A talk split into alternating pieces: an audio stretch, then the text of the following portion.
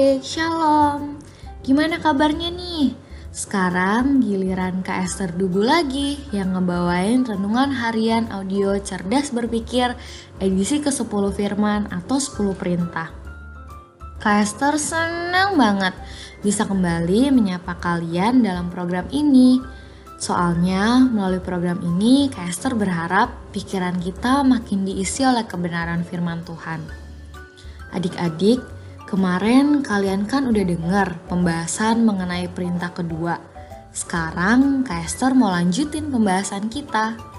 Hari ini kakak akan ngebahas soal perintah yang ketiga.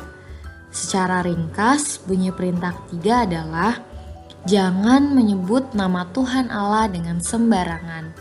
Detailnya tertulis dalam Keluaran 20 ayat 7 yang bunyinya begini. Jangan menyebut nama Tuhan Allahmu dengan sembarangan, sebab Tuhan akan memandang bersalah orang yang menyebut namanya dengan sembarangan. Adik-adik, pada waktu itu ya, bahkan sampai sekarang nih, nama gak boleh dianggap enteng loh. Gak usah kepada Tuhan dulu deh, kepada sesama manusia aja kita harus menyebutkan nama orang lain dengan benar. Dan untuk orang-orang tertentu seperti orang tua, kita nggak boleh sembarangan dalam menyapa. Kita harus menyapa dengan sebutan papa, mama, om, tante, kakek, nenek, dan sebagainya. Intinya, kita harus hati-hati dalam menyebutkan nama. Dan untuk beberapa orang, kita harus menyapa dengan penuh rasa hormat. Nah, itu baru kepada sesama manusia loh ya, apalagi kepada Tuhan. For your information nih, kata Tuhan yang semua hurufnya kapital atau huruf besar di bacaan tadi tuh, bahasa aslinya yaitu bahasa Ibrani adalah Yahweh. Tetapi orang-orang pada waktu itu nggak boleh menyebut nama itu, nggak sopan. Jadi kalau nama itu ada tertulis, mereka harus bacanya Adonai, yang artinya Tuhan, Tuan, majikan, atau bos. Mirip-mirip soal sapaan ke papa mama tadi kan? Intinya perintah ketiga ini mengajarkan kepada umat Tuhan untuk menyapa dan memanggil nama Tuhan dengan penuh rasa hormat. Dan ternyata perintah ketiga ini berlaku buat kita juga loh kita pun harus menghormati nama Allah di dalam Tuhan Yesus Kristus. Kita nggak sepantasnya sembarangan menyebut nama Tuhan.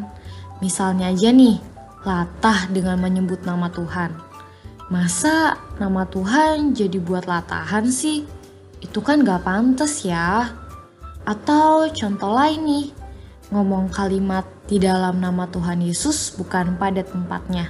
Misalnya, lagi main game, bilang, di dalam nama Tuhan Yesus. Ya, rasa-rasanya nggak tepat aja. Kalau bilang di dalam nama Tuhan Yesus pas lagi doa atau memohon kesembuhan, masih oke okay lah ya. Kita juga harus bertanggung jawab ketika menyebutkan nama Tuhan.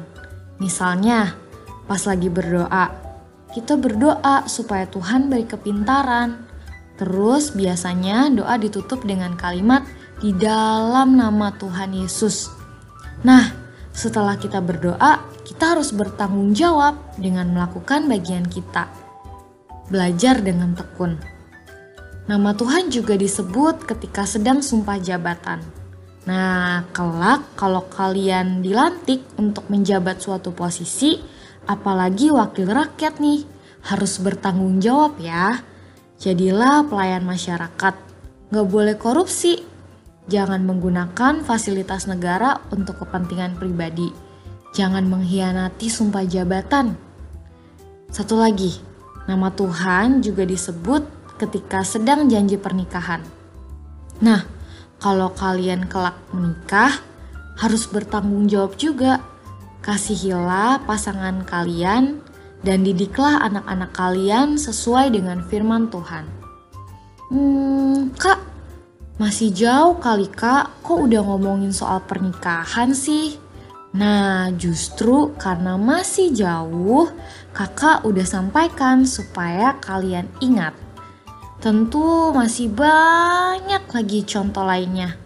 Intinya nih ya, kita harus menghormati nama Tuhan. Dan kalau kita menyebut nama Tuhan, baik di dalam doa maupun dalam suatu janji, kita harus bertanggung jawab ya. Oke? Yuk, sekarang kita mau berdoa. Semua persiapkan hatinya, tutup matanya, lipat tangannya. Mari kita berdoa. Bapa, kami bersyukur kalau kami boleh dengerin firman Tuhan pada saat ini. Di mana pun kami berada sekarang dan kapan pun waktunya kami mendengarkan renungan ini, kami percaya kuasa Tuhan tetap bekerja. Kuasa Tuhan tidak dapat dibatasi oleh apa pun. Biar saat ini kami percaya Tuhan, Engkau yang mengurapi setiap anak-anakmu yang sedang mendengarkan renungan ini. Jadikan mereka anak-anak yang takut akan Tuhan. Jadikan mereka anak-anak yang menghormati Tuhan lebih daripada apa pun. Ajar mereka untuk menghargai Engkau dalam setiap pikiran, perkataan, dan tindakan mereka, agar mereka dapat menjadi terang, dapat menjadi saksi di mana pun mereka berada. Terus berkati anak-anakmu dalam pertumbuhannya dan pengenalannya akan firman Tuhan bahwa semakin dekat dengan engkau dan jadikan mereka uh, berkat untuk banyak orang di luar sana terlebih keluarga mereka. Terima kasih Tuhan Yesus, hanya di dalam namamu kami berdoa dan mengucap syukur. Haleluya, amin. Oke, sekian dulu ya renungan dari Kak Esther. Kalian harus tetap sehat, tetap semangat, dan tetap jadi berkat. Satu lagi, Jangan lupa bahagia ya. Tuhan Yesus memberkati. Dadah.